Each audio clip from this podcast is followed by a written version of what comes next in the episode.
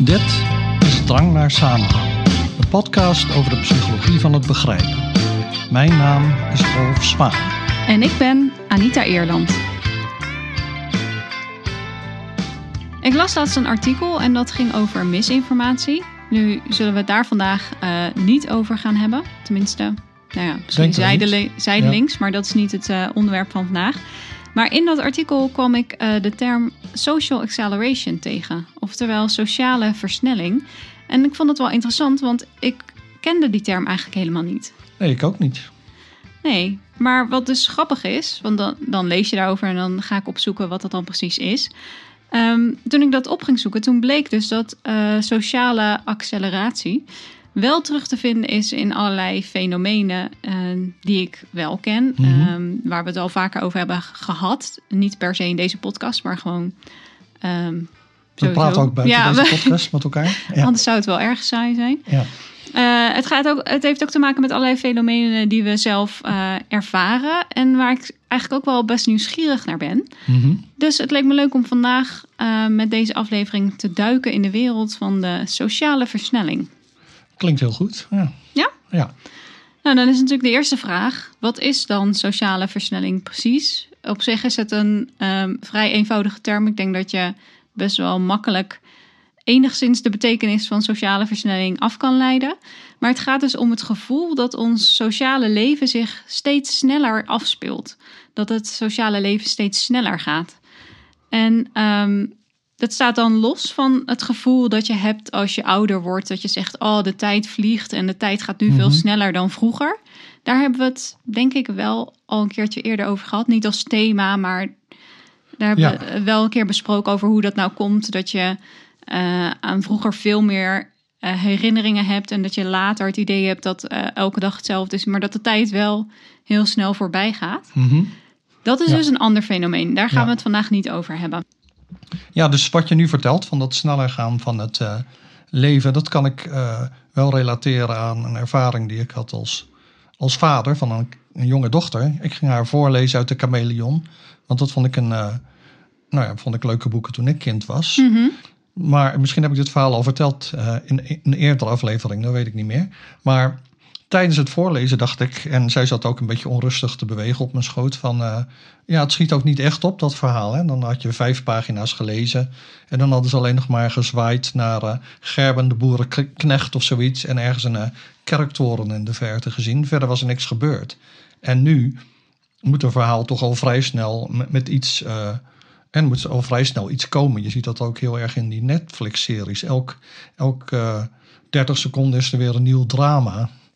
Ja, dat klopt. Ik, ik voel me wel af, want jij zei de, de chameleon ging je mm. voorlezen omdat je dat zelf vroeger dus uh, ja. leuke verhalen vond. Op het moment dat je het later ging voorlezen, was je waarschijnlijk zelf ook al een beetje gewend aan de meer Ja, ik vond het zelf dus ook langzaam vond, gaan. Ja, hoe, ja, dus je vond, uh, toen je de verhalen voor ging lezen, dacht je ook van, jee, wat gaat dat ja, langzaam. Ja, dat dacht ik inderdaad ook. Ja, ja, dat klopt. Ja. En dat is ook met veel komische programma's, als je die later terugziet, dan, uh, dan gaat het ook best wel langzaam nou ja, Monty Python en Fawlty Towers blijven dan leuk. Maar verder, uh, veel van die oudere programma's, dan denk je wel, jetje, schiet eens op. Mm -hmm.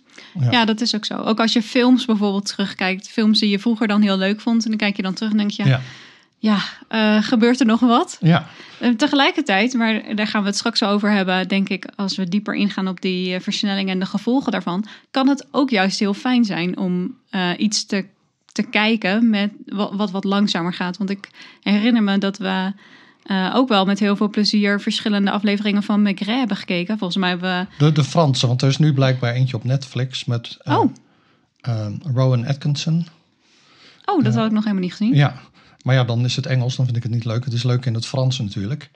En, het zou wel leuk zijn ja. om te kijken of ze een beetje diezelfde sfeer over kunnen brengen. Want in die Franse, ik neem aan dat dat de originele Um, ik denk dat er nog oudere Maigret's ook zijn trouwens dan, dan degene die gaat wij... nog langzamer. Ja, misschien wel. Er wordt misschien nog meer gedronken. Ja, hij komt altijd bij mensen op bezoek en dan bieden ze hem cognac aan. En dat neemt hij altijd graag, volontiers. En ja. dan, uh, maar dat heeft inderdaad een heel ander tempo. En op zich is het een beetje zen als je daar Ja, ik kijkt. vond het eigenlijk ja. juist wel heel erg fijn. Ja. Maar misschien ook omdat het contrast met wat je verder uh, zoal uh, ja. kan zien zo groot is. Um, maar goed, ja, dus uh, we zien dat is een, eigenlijk een voorbeeld van onze eigen ervaring met dat de tijd. Ja. Of eh, dat eh, het sociale leven nu sneller gaat. Ehm, nu heb ik ook niet alleen gekeken naar wat betekent dit nu precies, maar ook waar komt dit eh, fenomeen vandaan? Want ik dacht, misschien komt het uit een heel ander vakgebied. En is, eh, dus niet uit Ja. de psychologie. En is, da is dat de reden dat wij er nog niet van hebben gehoord? En dat klopt ook wel, want ehm, volgens mij was dit de eerste, Hartmut Rosa. Dat is een hoogleraar sociologie in Duitsland. Volgens mij is hij de eerste die met de term eh, social acceleration kwam. Dus dan, dan is het niet heel vreemd Nee. dat we eh, daar nog niet van hebben gehoord, maar dat we wel eh, verschillende fenomenen kennen die hier aan gerelateerd zijn. Ja. Ehm, en eh, Rosa zegt, ja, er zijn eigenlijk drie categorieën van versnelling. Mhm. Want je hebt het over het sociale leven, dat is natuurlijk heel breed. Maar Ja. hij deelt dat dus op in drie verschillende categorieën. Ehm, en hij zegt, nou, als eerste heb je de technologische vers- versnelling. Eh, en dit kun je volgens Rosa onder andere terugzien in eh, de vormen van transport die we hebben. Dus Ja. vroeger, ja, nou misschien nog niet eens zo heel erg lang geleden. Maar nu kun je in een mum van tijd eh, honderden kilometers afleggen. En dan ben je eh, helemaal niet zoveel tijd eh, dus kwijt. Maar vroeger kostte reizen veel meer tijd. Ja.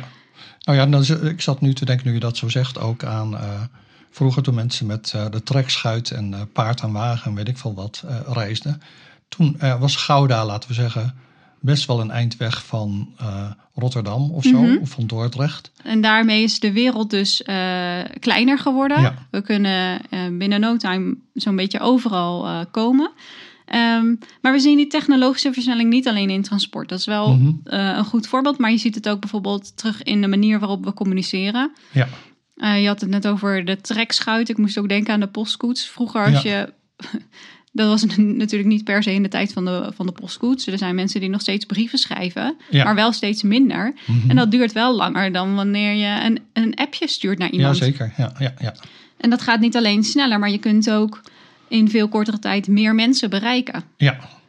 Als je vroeger eh, wilde dat veel mensen jouw nieuwsbericht lazen, ja, dan zet je het in de krant. En dat, dat doen we natuurlijk nog steeds wel. Mhm. Maar je kan het ook op Twitter zetten en dan weten mensen ehm, binnen een paar seconden wat er allemaal aan de hand is. Dus ja, ook daarin zie je die eh, technologische eh, versnelling.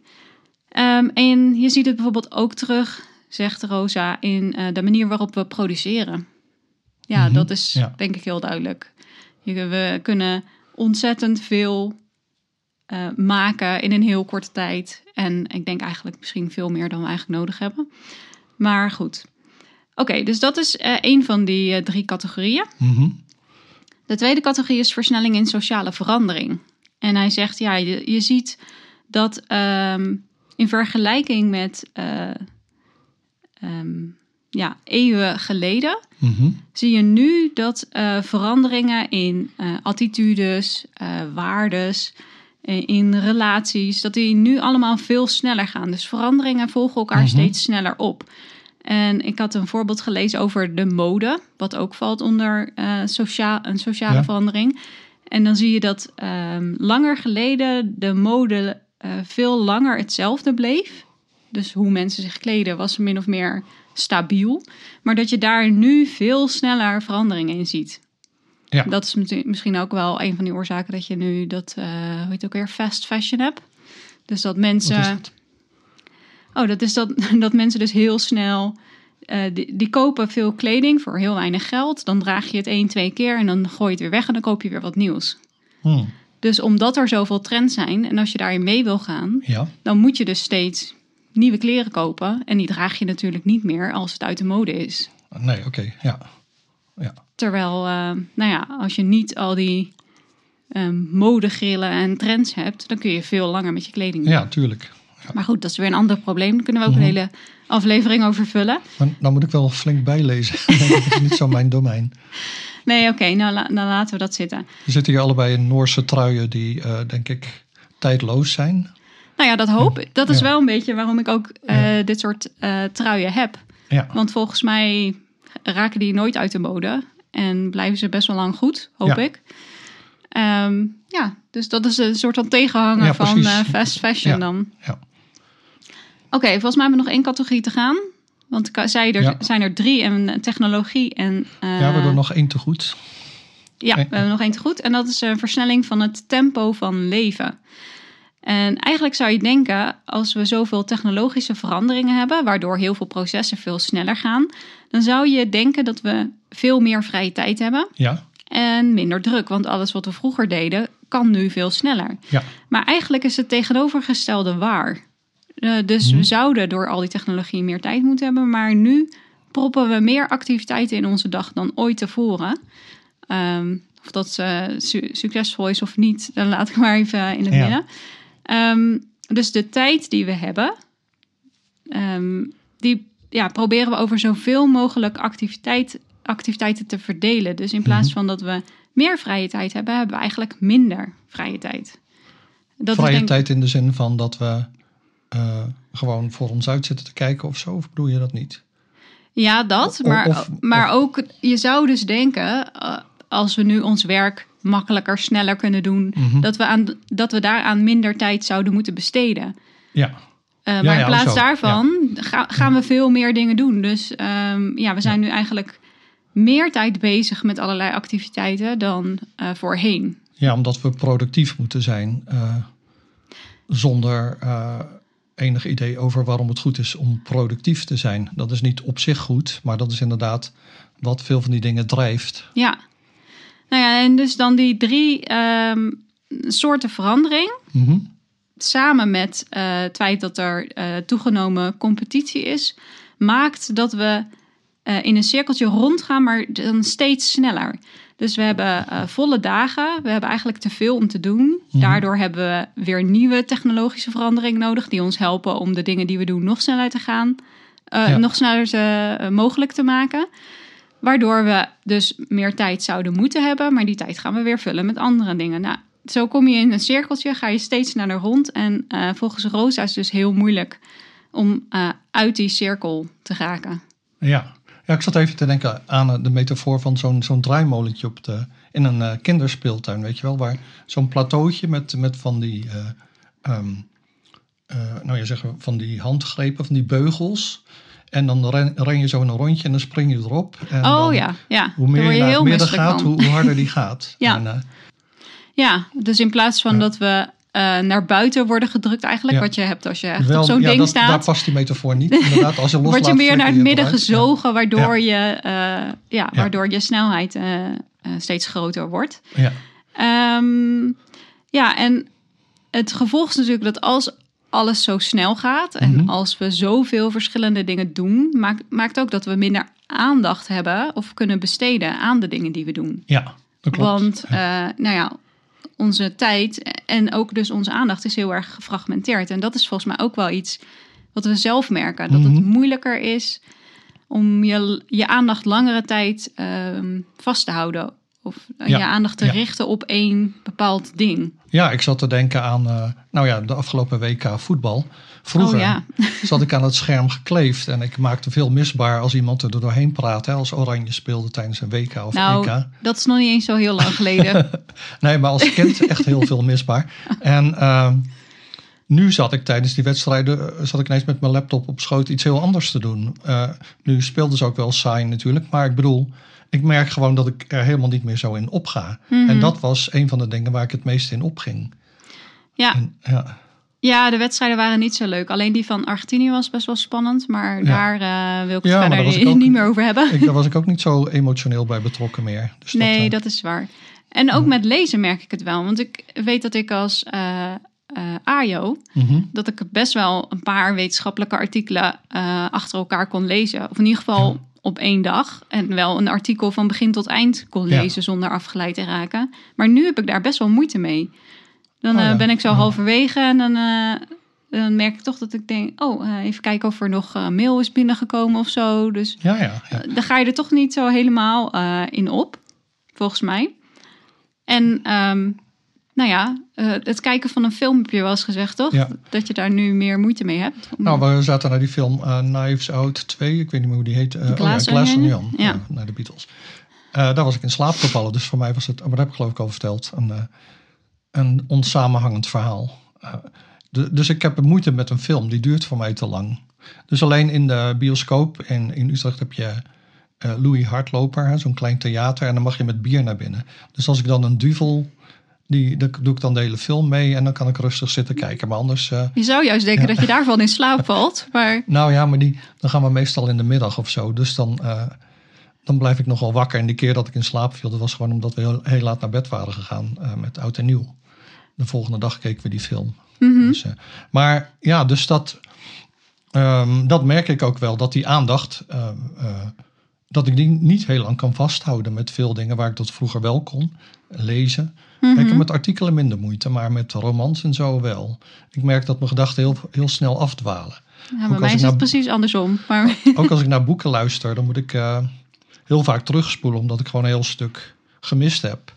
En eh, nou ja, dan moeten we natuurlijk even hebben over aandacht. Wat is het dan? ja, En als psychologen, cognitieve psychologen, kijken wij naar aandacht binnen individuen. Mhm. En William James, eh, een van de vaders van de psychologie, die zei, eh, die is nogal een mooie schrijver, aandacht is het in bezit nemen door de geest in heldere en levendige vorm van één van wat meerdere gelijktijdig mogelijke objecten of gedachtegangen lijken. Nou, dat is, Dat is een haast een gedicht. Dat is haast een gedicht. Ehm, nou, wat hij bedoelt is, kijk, elk moment ehm, dat je, nou ja, leeft of in ieder geval bewust bent, zijn er verschillende prikkels in je omgeving. En daar selecteer je uit. Dus ja. nu ben ik niet gericht op die fijne stoel waarin ik zit, die jij eh, zo vakkundig in elkaar hebt gezet. Wat je in aflevering, zie aflevering 1. Zie aflevering 1. Ehm, die zit heel lekker, maar daar let ik nu niet op. Eh, dus ik let niet op de, de stoel waarop ik zit of hoe de tafel voelt. Ik let een beetje op hoe ver ik van de microfoon zit, dat soort dingen. Maar er zijn talloze andere dingen waarop ik kan le- eh, letten of over mijn aandacht op kan richten. Ja, De situatie in Oekraïne of eh, dat we morgen yoghurt moeten kopen, dat soort dingen. Dat doe ik allemaal niet. Eh, ik focus op de discussie nu. Dus eh, dat is wat je doet. Dat is selectieve aandacht. Je, je selecteert iets en de rest onderdruk je. onderdruk Ja. je. En als er dan iets heel belangrijks gebeurt, bijvoorbeeld als, laten we zeggen, het brandalarm afgaat of zo, dan, dan switch je natuurlijk van de podcast naar dat alarm. Eh, maar verder, Of als iemand je naam eh, noemt, want Ja. dat is voor jou, jouw belangrijke informatie. dat klopt, ja. Ja, ja. Oké, dus dat is aandacht zoals cognitieve psychologen daarover nadenken. Mhm. En dan heb je de Her- Herb Simon, dat was een, eh, een psycholoog die de Nobelprijs voor de economie heeft gewonnen. En in 1971 had hij het over de economie van aandacht. Want hij zei, als er dus heel veel informatie is, als die informatie overvloedig is Mhm. en de menselijke aandacht is beperkt, ja. dan eh, moet je dus bezuinigen. Hè? Je moet, moet heel erg besluiten van waar je wel op gaat letten en waar niet. Mhm. En nou ja, wat, wat er dan gebeurt met bedrijven en zo, is dat die proberen jouw aandacht te trekken. Dat is Ja. eigenlijk eh, wat ze doen. En ik las toevallig eergisteren een stukje over de, de verkiezing van speaker in eh, het Huis van Afgevaardigden in de Verenigde Staten. Mhm. Waar dus twintig republikeinen tegen hun eigen kandidaat stemden. Maar wat er gezegd werd was, die twintig kandidaten hebben eigenlijk niet één politiek doel. Die hebben gewoon allemaal alleen maar als doel om aandacht te trekken. En ze trekken aandacht door eh, de kont tegen de krip te gooien. De aandacht van. Van, van eh, geldgevers. En, en dus dan hebben ze GoFundMe pagina's en zo. En op die manier kunnen ze geld eh, ehm, genereren. Mhm. Want ze, ze, ze trekken de aandacht. En de, nou ja, dat leek me een mooi voorbeeld van dat eh, die politici zichzelf ook zien meer als eh, Individuen. individuen Ja. die aandacht trekken in plaats van mensen die een bepaald beleid voorstaan. Dus dat past mooi in dat verhaal van Simon. En ja, dan de volgende stap, en dat koppelt het eigenlijk aan eh, sociale versnelling, is collectieve aandacht. Dus mode is daar een voorbeeld van. Hè, dat een grote groep mensen allemaal dezelfde smaak ineens heeft of zo. Of allemaal uh, panterprintjes gaan dragen. Ja, zoiets. Ja. En nou ja, dat zie je met muziek en met, met andere dingen, tv-shows, dat soort dingen. Zijn trends dan... ehm, de trends worden veroorzaakt of ontstaan door collectieve aandacht? Ja, sommige onderzoekers hebben het dan over eh, collectieve aandachtregimes.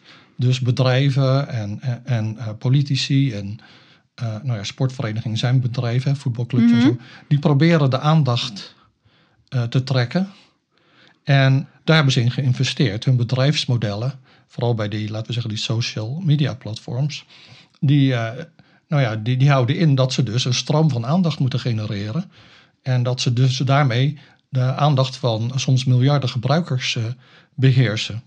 Ja, en als zo'n bedrijf dan succesvol is, dus veel mensen eh, kijken naar jouw serie of kopen jouw product, dan is dat, dan is er dus eh, collectieve aandacht voor jouw product. Ja. Is, Ja, Is en dat, dat product hoeft niet per se iets fysieks te zijn. Nee, nee. Dat kan ook een, een complotverhaal zijn of een, een bepaald eh, beleid dat je voorstaat of gewoon eh, de persoonlijkheid van iemand. Nou, daar heb ik trouwens, nou niet daar, maar eh, als voorbeeld. Vanmorgen las ik op nu.nl.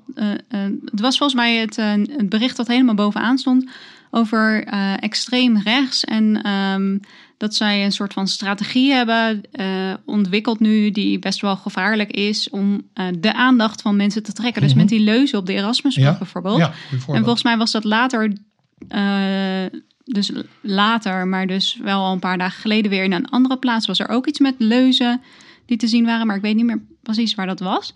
Maar Mhm. zijn, zijn, ehm, zij zei, of ja, de experts die ze hadden geïnterviewd, die Mhm. zeiden dat dat dus een tactiek was om de aandacht van mensen te trekken. Mhm. En om ze ehm, ehm, ja, een soort van bekend te maken met eh, dat gedachtegoed. En hoe vaker je dat ziet, hoe meer mensen die al een beetje op het randje balanceren, zich aangesproken voelen en dan misschien aansluiting gaan zoeken bij extreemrechtse groepen.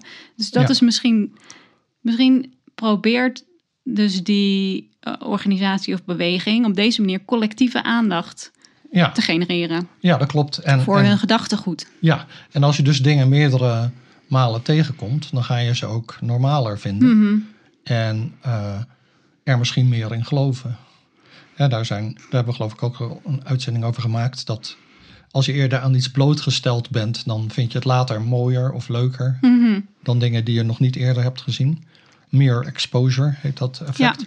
Ehm, maar dus die collectieve aandacht, hè, dat, is dus, dat is dus even anders van, nou ja, wij hier op onze stoelen gezeten, achter microfoons, die met elkaar in conversatie zijn en daar is onze aandacht op gericht. Eh, nu gaat het om, hoe kun je zoveel mogelijk neuzen dezelfde kant op laten wijzen? Hoe kun je zorgen dat zoveel mogelijk mensen aandacht voor hetzelfde hebben? Mhm. En op eh, iets kleinere schaal hadden we het daar eigenlijk al over in aflevering 50. Die ging over de feestdagen en rituelen. In een ritueel is het zo dat allerlei mensen dus aandacht voor hetzelfde hebben. En vaak maken ze ook dezelfde beweging en ze hebben hetzelfde aan. Dus je stuurt heel erg de aandacht van die mensen Hmm. eh, op de, eh, naar hetzelfde. En eh, daardoor creëren, creëer je sociale verbondenheid. Hè? Dat is dan in die rituelen zo. Ja. Uh, maar het is dan anders met collectieve aandacht voor producten, personen, ideeën. En nou, daar gaan we het straks nog over hebben. Ja, het is weer tijd voor onbegrip van de week. En ik geloof dat jij wat hebt, toch? Ja, ik had uh, gisteren, nadat ik dat bericht had gelezen over extreem rechts op Mhm. nu.nl, uh, scrolde ik zo naar beneden en toen kwam ik een berichtgeving tegen over uh, Wie is de Mol? Ja. Nou, weten de meeste luisteraars inmiddels denk ik dat ik dat een heel leuk Ja. programma vind. Ja. En dat is gelukkig weer begonnen, maar dit bericht ging over dat de makers best wel veel risico hadden genomen in de eerste aflevering, Mhm. omdat ze uh, aan de mol gingen laten weten dat hij de mol was, um, waar de andere kandidaten bij waren. Ja, Dus- en dus voor mensen die Wie is de Mol niet kennen, dat is een, een spelprogramma waarin, eh, nou weet ik hoeveel kandidaten je Tien. hebt, tien of zo. En die moeten allemaal opdrachten uitvoeren, maar een van de kandidaten is de Mol. Dus die moet eigenlijk zorgen dat die opdrachten mislukken. Want eh, die moet zorgen dat er zo weinig mogelijk geld in de pot komt. En dat geld verdien je met het goed doen van de opdrachten. En dus die andere kandidaten die moeten dan uitzoeken wie de mol is. En de kijker speelt mee. Ja, dat is wel, dat is wel een goede samenvatting. maar mijn onbegrip ging er dus over dat ehm, je kan bij eh, nu.nl reageren op berichten. Dus Mhm. dat was nu ook zo. En ehm, eigenlijk heb ik een beetje een hekel aan reacties, omdat die altijd heel snel uit de hand lopen. Maar ehm, ik dacht, ik ga toch eventjes kijken. En toen viel me dus op dat er zoveel, eigenlijk eh, alle reacties die ik kon zien, want ik, ik ben geen lid, dus ik kan nog maar een beperkt aantal reacties lezen. Ehm, maar die reacties die er stonden, waren allemaal in de trant van. ehm, nou, ik heb nog nooit een, uit, een aflevering van Wie is de Mol gezien. Ehm, ik snap niet waarom dit zo populair is. Mis ik hier wat aan? En ook andere mensen zeiden alsof ze er trots op waren dat ze het nog nooit hadden gezien. Nu Ja. snap ik dat eh, dit programma niet iedereen aanspreekt. Dat Mhm. geldt voor, denk ik, alle programma's. Ja. Ehm, dus dan denk ik, ja, nou, als je het niet wil zien, prima toch? Dan kijk je het niet, zet je, laat je je tv uit, ga je Maar dan lees je ook geen eh, artikelen op nu.nl over Ja, en daarop reageren. En dat gebeurt best wel vaak. Dat mensen reageren op iets en dan vanmorgen ook weer een bericht dat mensen... Nou, ik ben blij dat ik dit weer weet. Dan denk ik, ja, Ja. weet je, als je het je niet interesseert, lees je het toch niet? Ja, we hadden het dus net over collectieve aandacht. Mhm. Dus dat meerdere mensen de aandacht op hetzelfde, hetzelfde gericht hebben. En dat dus bedrijven en personen tot doel hebben die aandacht vast te houden, die collectieve aandacht. En dat die aandacht steeds sneller verspringt van het ene naar het andere.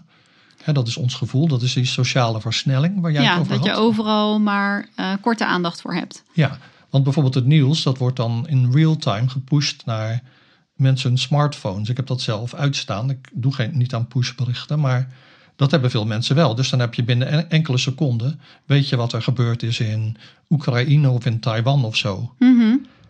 En omdat je natuurlijk steeds berichten over verschillende dingen krijgt, kan die hele discussie, wat jij zo binnenkrijgt, heel erg gefragmenteerd lijken en ook versneld. Dus de ene dag gaat het over Prins Harry en dan de volgende dag gaat het over Oekraïne weer en dan de, dan de dag daarna gaat het over rechtsextremisten. Ehm, Ja, het zijn ook heel Ja. erg gefragmenteerde berichten die je krijgt. Want ze gaan Ja. inderdaad over verschillende onderwerpen. Je Ja. krijgt ze binnen op het moment dat je waarschijnlijk met iets anders bezig bent. Dus Ja. eh, dan switch je de aandacht. Heb je heel even aandacht voor dit specifieke onderwerp. En dan ga je weer terug. En dan komt er weer iets anders binnen. Ja. En dan ga je weer terug. Ja, dat is best wel onrustig. En dat maakt dat je overal een klein beetje wat van weet, denk ik. Dat het moeilijk is om daar om het grote geheel te zien. Ja, dat lijkt, me, ja, dat lijkt mij ook. Dus de, als je het hebt over drang naar samenhang, dan is dit iets wat dat heel erg tegenwerkt. Ja, dat denk ik ook. Dat gevoel Ja. van eh, dat we dus samenhang moeten zien. Eh, maar dus, eh, het gevoel is ook van de onderwerpen eh, verspringen steeds sneller. En is dat ook zo? Dus dat hebben deze onderzoekers bekeken. En dat hebben ze op verschillende manier, manieren gedaan. Dus ze hebben bijvoorbeeld gekeken naar hashtags op Twitter. Dus een hashtag is iets als eh MeToo. Of hè, dus een onderwerp waar mensen dan op kunnen reageren. Je geeft dat aan op een speciale manier. Mhm. Andere mensen zien dat en die kunnen daar dan op reageren. En die gebruiken ook weer die hashtag. Dus zo krijg je dan... En dat is een manier om wel samenhang te Ja. genereren. Ja. Het is een soort van kapstok waaraan je verschillende berichten kan ophangen. En als Ja, je dan klopt. geïnteresseerd bent in een bepaald onderwerp, dan zoek je gewoon op die hashtag. Ja. En dan krijg je alle ehm, recente of meest ehm gelikte berichten over, over dat onderwerp. Ja, en dat is dus vanuit het eh, perspectief van de lezer, zeg maar. Mhm. En vanuit de produ- producent is het zo dat als jij die hashtag gebruikt, kan iedereen die daarin geïnteresseerd is, jouw bericht ook zien. Ja, Nou goed, dus dat zijn, dat zijn eh, hashtags. En deze onderzoekers hebben gekeken van hoe lang blijft een hashtag populair. Mhm. Dus je kunt ze rangschikken in termen van populariteit. En wat ze vinden is dat over de jaren de tijd aan de top steeds korter wordt. Dus eh, wat het meest, de meest populaire hashtag is, dat verspringt steeds sneller. Ehm, je ziet het ook in bezoekersaantallen van films als je daarnaar kijkt. Dus de film die nummer 1 is, staat veel korter op nummer 1 dan vroeger het geval was. Eh, het verspringt sneller. Eh, citaties naar wetenschappelijke artikelen. In al, in al dat soort zaken, ze, hebben, ze noemen nog meer dingen, zien ze dat die collectieve aandacht steeds korter wordt. Steeds korter is de collectieve aandacht gericht op eh, een bepaald onderwerp. Dus die onderwerpen worden steeds sneller van de troon gestoten, zou je kunnen zeggen. En die versnelde ups en downs van die, die populaire inhoud, die worden gedreven door eh, nou ja, de productie en consumptie van inhoud. Dus mensen willen graag iets produceren dat veel aandacht trekt. ja. Eh, maar de con- concurrentie doet dat natuurlijk ook. Dus er is concurrentie om eh, nieuw te zijn, zeg maar. Om iets nieuws te hebben. En dat zorgt er dan voor dat die omloopsnelheid steeds meer toeneemt. Ja, dat is precies wat, eh, wat ik in het begin, in het eerste deel zei. Eh, wat Rosa zei van die drie categorieën van versnelling. En hij zei dus in combinatie met de toegeno- toegenomen concurrentie. Ja. Of competitie, zei ik geloof ik. Com- ja, competitie. Ja. En dat is precies wat jij nu ook zegt. Mhm. Ja, ja, dat, Dus- eh, ja, dus die ideeën hangen met elkaar samen. Het idee van die sociale versnelling. Mhm. En dan het idee van de collectieve aandacht die eigenlijk aangetrokken moet worden. Ja, En- in een veld met eh, heel veel concurrentie. Ja, Ja. ja. En daarom eh, krijg je dus, wordt die omloopsnelheid steeds groter. Waar jij het over had, die, dat cirkeltje. dat cirkeltje. Ja. Ja, dat is wel interessant. Dus dat er ook onderzoek gedaan is naar die sociale acceleratie eh, en aandacht. Ik had zelf ook een studie gelezen ehm, hierover, over die ja, over sociale acceleratie. Ook al werd dat begrip volgens mij niet genoemd in het artikel zelf. Mhm. Ehm, het is een studie waarbij gekeken is naar het gedrag van eh 600.000 mensen op Twitter, dus Twitter-gebruikers. Mhm. En het is een zogenaamde cohort-studie. Dus dat betekent dat, dat er werd gekeken naar eh, hoe groepen mensen ehm, zich in de tijd gedragen op Twitter. Mhm. Dus wat ze hebben gedaan, ze hebben data verzameld tussen 2012 en 2019. En ze hebben, nou, ik zal heel simpel zeggen, zo hebben ze het misschien niet precies gedaan, maar om een idee te geven van hoe zo'n studie dan gaat. Dus je hebt dan een groep Twitter-gebruikers die in 2012 op Twitter zit. Dat is het eerste cohort. Dan heb je een groep mensen die in 2013 nieuw op Twitter zijn gekomen en dat medium gaan gebruiken. Nou, 2014, 2015, zo kun je dus ehm, kijken of de mensen die eh, op een later moment Twitter gaan gebruiken, of ze dat op een andere manier doen dan de mensen die al eerder op Twitter zaten. Mhm. En het idee was, als, je, als er dus sprake is van zo'n sociale versnelling, dan zie je dat misschien terug in het, in het gedrag van die mensen op Twitter. Ja. En dat is inderdaad precies wat deze onderzoekers vonden. Ze hebben ge- ehm, gevonden dat ehm, mensen die later Twitter gingen gebruiken, meer tweets per week erop zetten Mhm. dan de groep eerdere gebruikers. Ehm, dat de mensen die later op Twitter zaten eh, ook meer eh, verbonden waren met andere mensen. En dat hebben ze dan ehm, onderzocht door te kijken naar hoe vaak mensen iets retweeten van andere Ja. mensen. Ja, dus Maar dat ook- iemand iets eh, erop heeft gezet en iemand anders die drukt op een knopje en dan zien... Die deelt dat, ja, die maar. deelt dat met zijn of haar volgers. Ja. Dus als mensen later op Twitter kwamen, dan deden ze dat zelf vaker. Dus Mhm. berichten van anderen eh, opnieuw posten, maar werden ze ook zelf vaker geretweet of Oh ja. hun berichten. Mhm. Ehm, en als laatste vonden ze dat ehm, de mensen die later op Twitter kwamen minder tijd per onderwerp besteden. Dus dat sluit heel mooi aan bij wat Ja. jij ook had gevonden. En in dit, eh, deze, dit artikel Ja? Noemden ze dat de, de content horizon. Oh ja. Dus hoe meer tijd per onderwerp, hoe breder eh, of groter je content horizon was. En die was dus kleiner, minder tijd per onderwerp bij mensen die later op Twitter kwamen. Mhm. En ze zeiden, ja, dat komt niet omdat er nu meer mensen op Twitter zitten. Je Nee. zou zeggen, dan zijn er ook meer mensen die jouw berichten kunnen delen, bijvoorbeeld.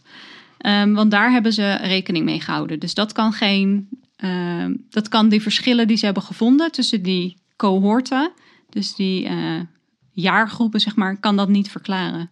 Nu hadden de studies die wij bespraken toevallig allebei data van Twitter. Ja, Maar het is wel belangrijk dat we dit fenomeen van de sociale versnelling loszien van Twitter. Hè, Twitter-data zijn makkelijk te verkrijgen. Je kunt eh, daar makkelijk analyses op loslaten. Maar die sociale versnelling die zie je dus ook bij films, muziek, de mode, zoals jij zei. Eh, misschien ontwerpen van auto's en dat soort dingen. En we hebben het een beetje gehad over de mechanismen die ten grondslag liggen aan eh, die sociale versnelling. ja, volgens mij hebben we nu wel een goed beeld van wat sociale versnelling eigenlijk is. Mhm. En we hebben verschillende studies besproken waaruit blijkt hoe sociale versnelling zich manifesteert in het dagelijks leven. Ja. Ehm, dan blijft de vraag natuurlijk nog liggen of die sociale versnelling nu per se slecht is, of dat er misschien ook goede kanten aan zitten. Mhm. En als die slecht is, eh, hoe je daar dan aan kan ontsnappen.